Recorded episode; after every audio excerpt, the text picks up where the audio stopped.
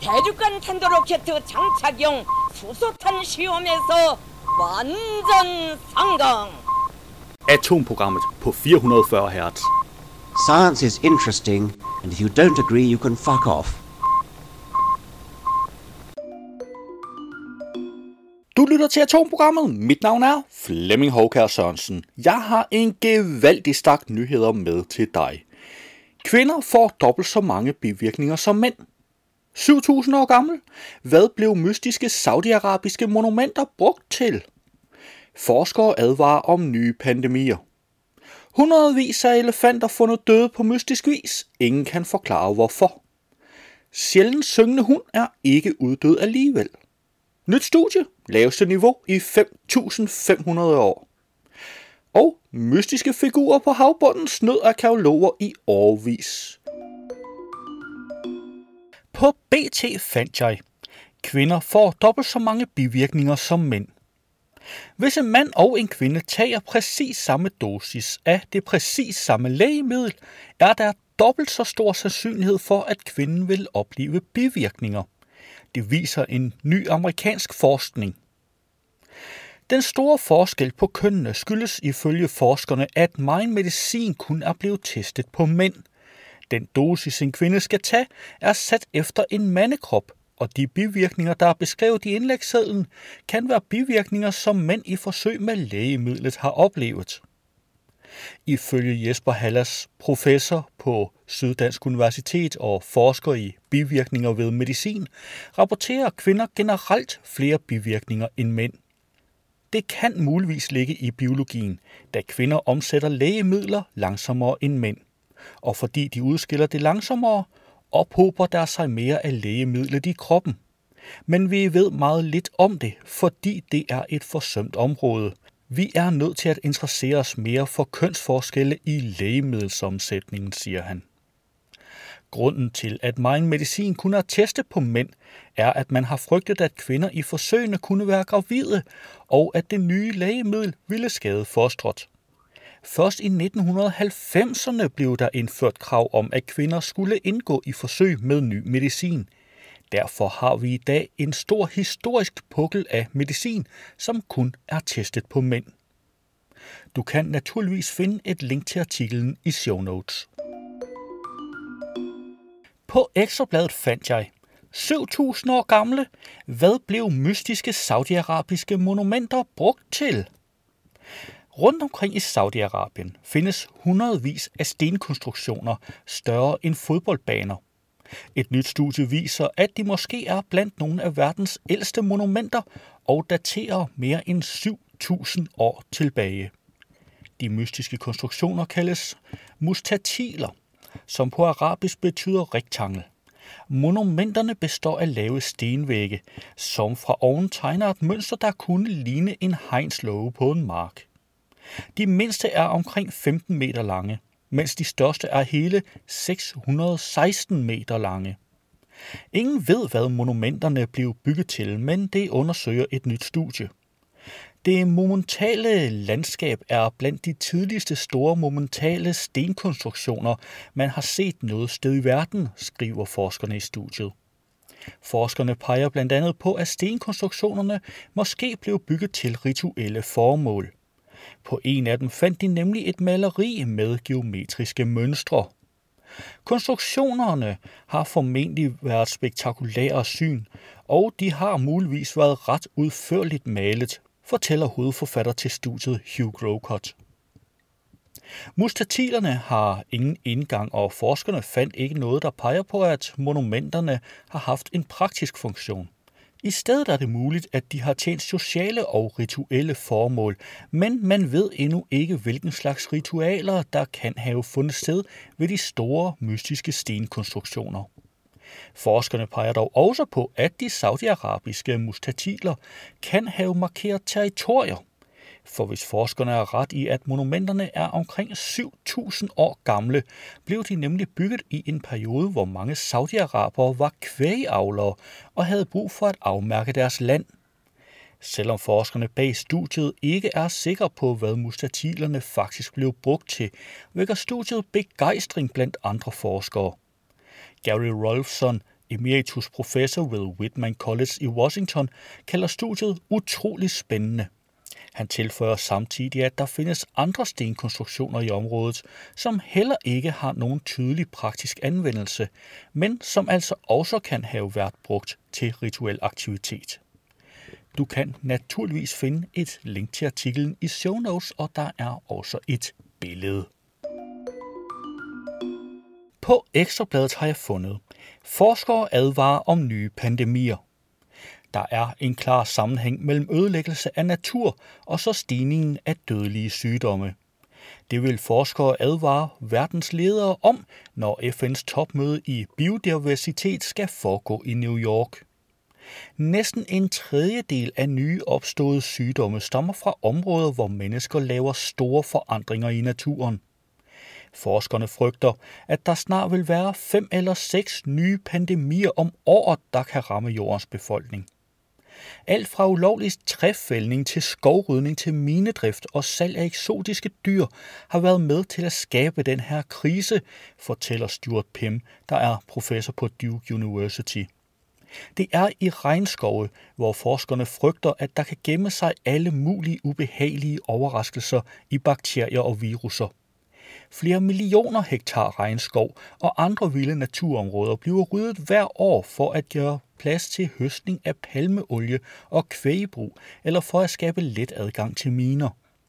Disse områder gemmer på alt muligt ukendt, der i kontakt med mennesker kan skabe nye pandemier ifølge forskere.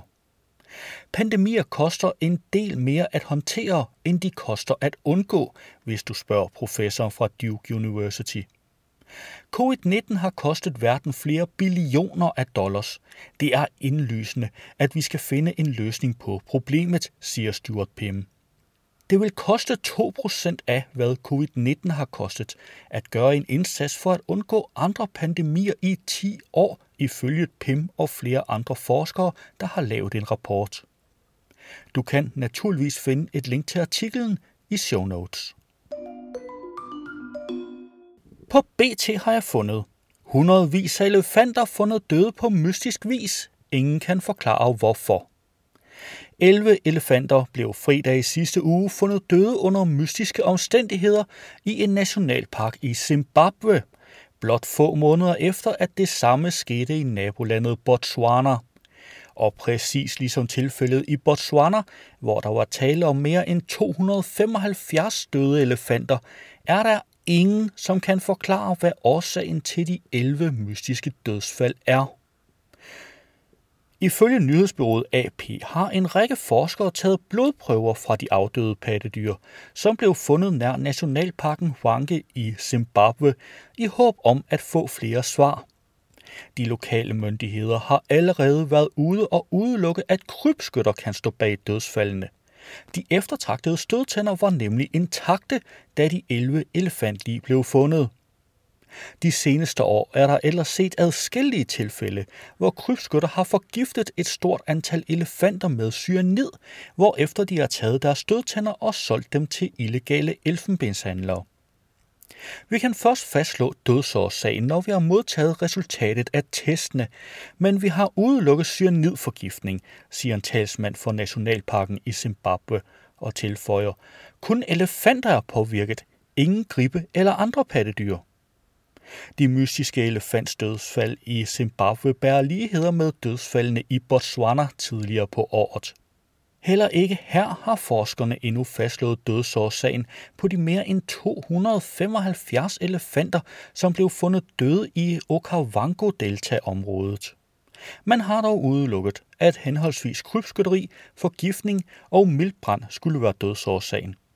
Botswana er det land i verden, hvor der bor flest elefanter, Cirka 156.000 bor der, mens tallet i Zimbabwe, som er det næststørste, ligger på 85.000. Du kan naturligvis finde et link til artiklen i show notes.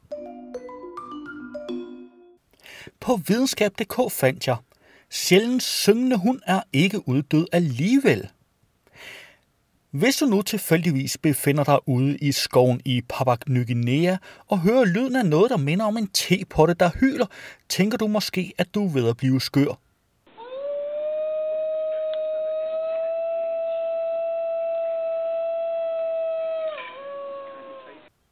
Men bare rolig, der er en helt naturlig årsag til den særlige lyd.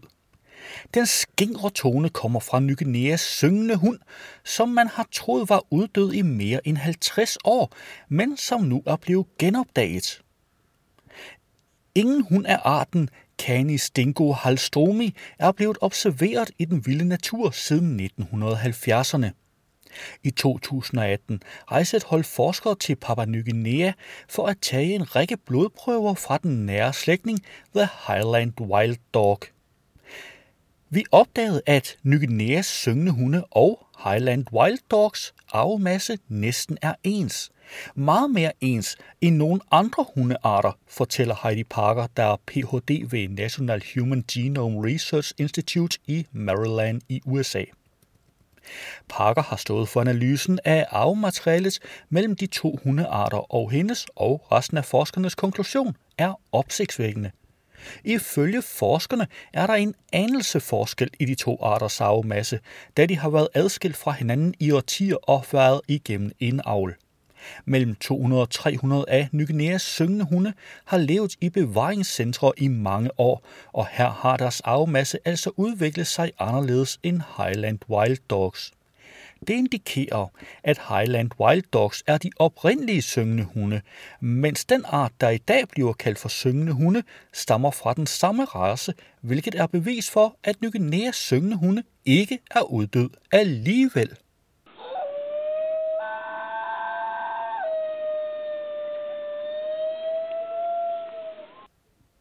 Du kan naturligvis finde et link til artiklen i show notes. Der kan du også se et billede.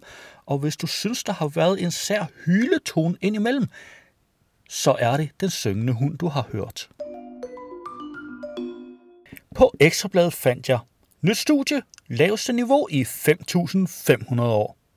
Vinterisen i Beringstrædet mellem Alaska og Rusland er på det laveste niveau i 5.500 år, viser et nyt studie, der blev offentliggjort onsdag. Forskere har undersøgt is fra St. Matthews i 2012, som repræsenterede 5.500 års akkumulering. Det vi ser nu er uden fortilfælde i de sidste 5.500 år, skriver Matthew Waller, der er direktør for Alaska Stable Isotope Facility og har medvirket i studiet. Isen i Arktis og Beringstrædet smelter om sommeren og fryser på ny om vinteren, men satellitobservationerne går kun tilbage til 1979. Observationerne viser, at isniveauet i Beringstrædet har virket stabilt i de seneste årtier på nær i 2018 og 2019, hvor man observerede en kraftig reduktion. Fordelen ved den nye analyse, der er offentliggjort, er, at den går meget længere tilbage i tiden, så forskerne kan fastslå, om de nuværende niveauer er en anomali eller en trend. Med den hastighed, som reduktionen foregår i, er forholdene nu gunstige for et helt isfrit hav, konkluderer forskerne i studiet. Der sker meget mere end blot forhøjede temperaturer. Vi ser et skift i cirkulationsmønstre både i havet og i atmosfæren, lyder det. Du kan naturligvis finde et link til artiklen i show notes. På ekstrabladet fandt jeg mystiske figurer på havbunden snød af kaologer i årvis. Ud for Israels nordkyst ligger et 2500 år gammelt fønitisk skibsvrag, hvor man har fundet et væld af statuetter og lerkrukker. Søfartsriget Fønikken opstod for 5.000 år siden i det, der i dag er Libanon, og i 3000 år sejlede des folk Middelhavet rundt og spredte deres kultur. De handlede, førte krig og grundlagde byer så langt væk som det moderne Spanien, indtil de blev udslettet af Romeriet i år 146 før vores tidsregning. I årvis antog man vel forståeligt nok, at de hundredvis af artefakter, der er fundet omkring vraget, havde været ombord, da skibet sank. Men det viser sig nu ikke at være tilfældet, og nu er vi blevet lidt klogere på fønitisk kultur. De mange statuetter og krukker var nemlig øjensynligt offergaver, som var blevet smidt i havet over en periode på omtrent 400 år, fra det 7. til det 3. århundrede før vores tidsregning. Det konkluderer et hold arkeologer fra University of Haifa i Israel. Eftersom fønikkerne tilbragte så lang tid på bølgerne, er det kun naturligt, at deres religion i høj grad omhandlede søfart og havet. Mange af statuetterne har relation til gudinden Tanit, moderen til de fønitiske guder, som stod for frugtbarhed og graviditet. Arkeologer mener, at Tanits tilbedere regelmæssigt sejlede ud til det samme sted for at ofre gaver til gudinden ved at kaste dem i havet. Skibsvraget og artefakterne, som er spredt i halvanden kilometers radius omkring det, blev opdaget af spydfiskere i 1972. Det var forskelle i artefakters udførelse og stilarter, hvilket typisk betyder, at de blev fremstillet i forskellige tidsperioder, som fik et nyt hold arkeologer til at se dem efter i sømne. Du kan naturligvis finde et link til artiklen, inklusiv billeder, i show notes. Ja, og havde du så hørt radioudgaven i stedet for podcasten, så ville der her have været This Wicked NASA. Men vi har kun tilladelse til at sende den i radioen, ikke i podcasten. Du kan dog finde et link til den i show notes. Det var jo, hvad jeg havde for i dag. Vi løs ved næste uge, samme tid, her på kanalen.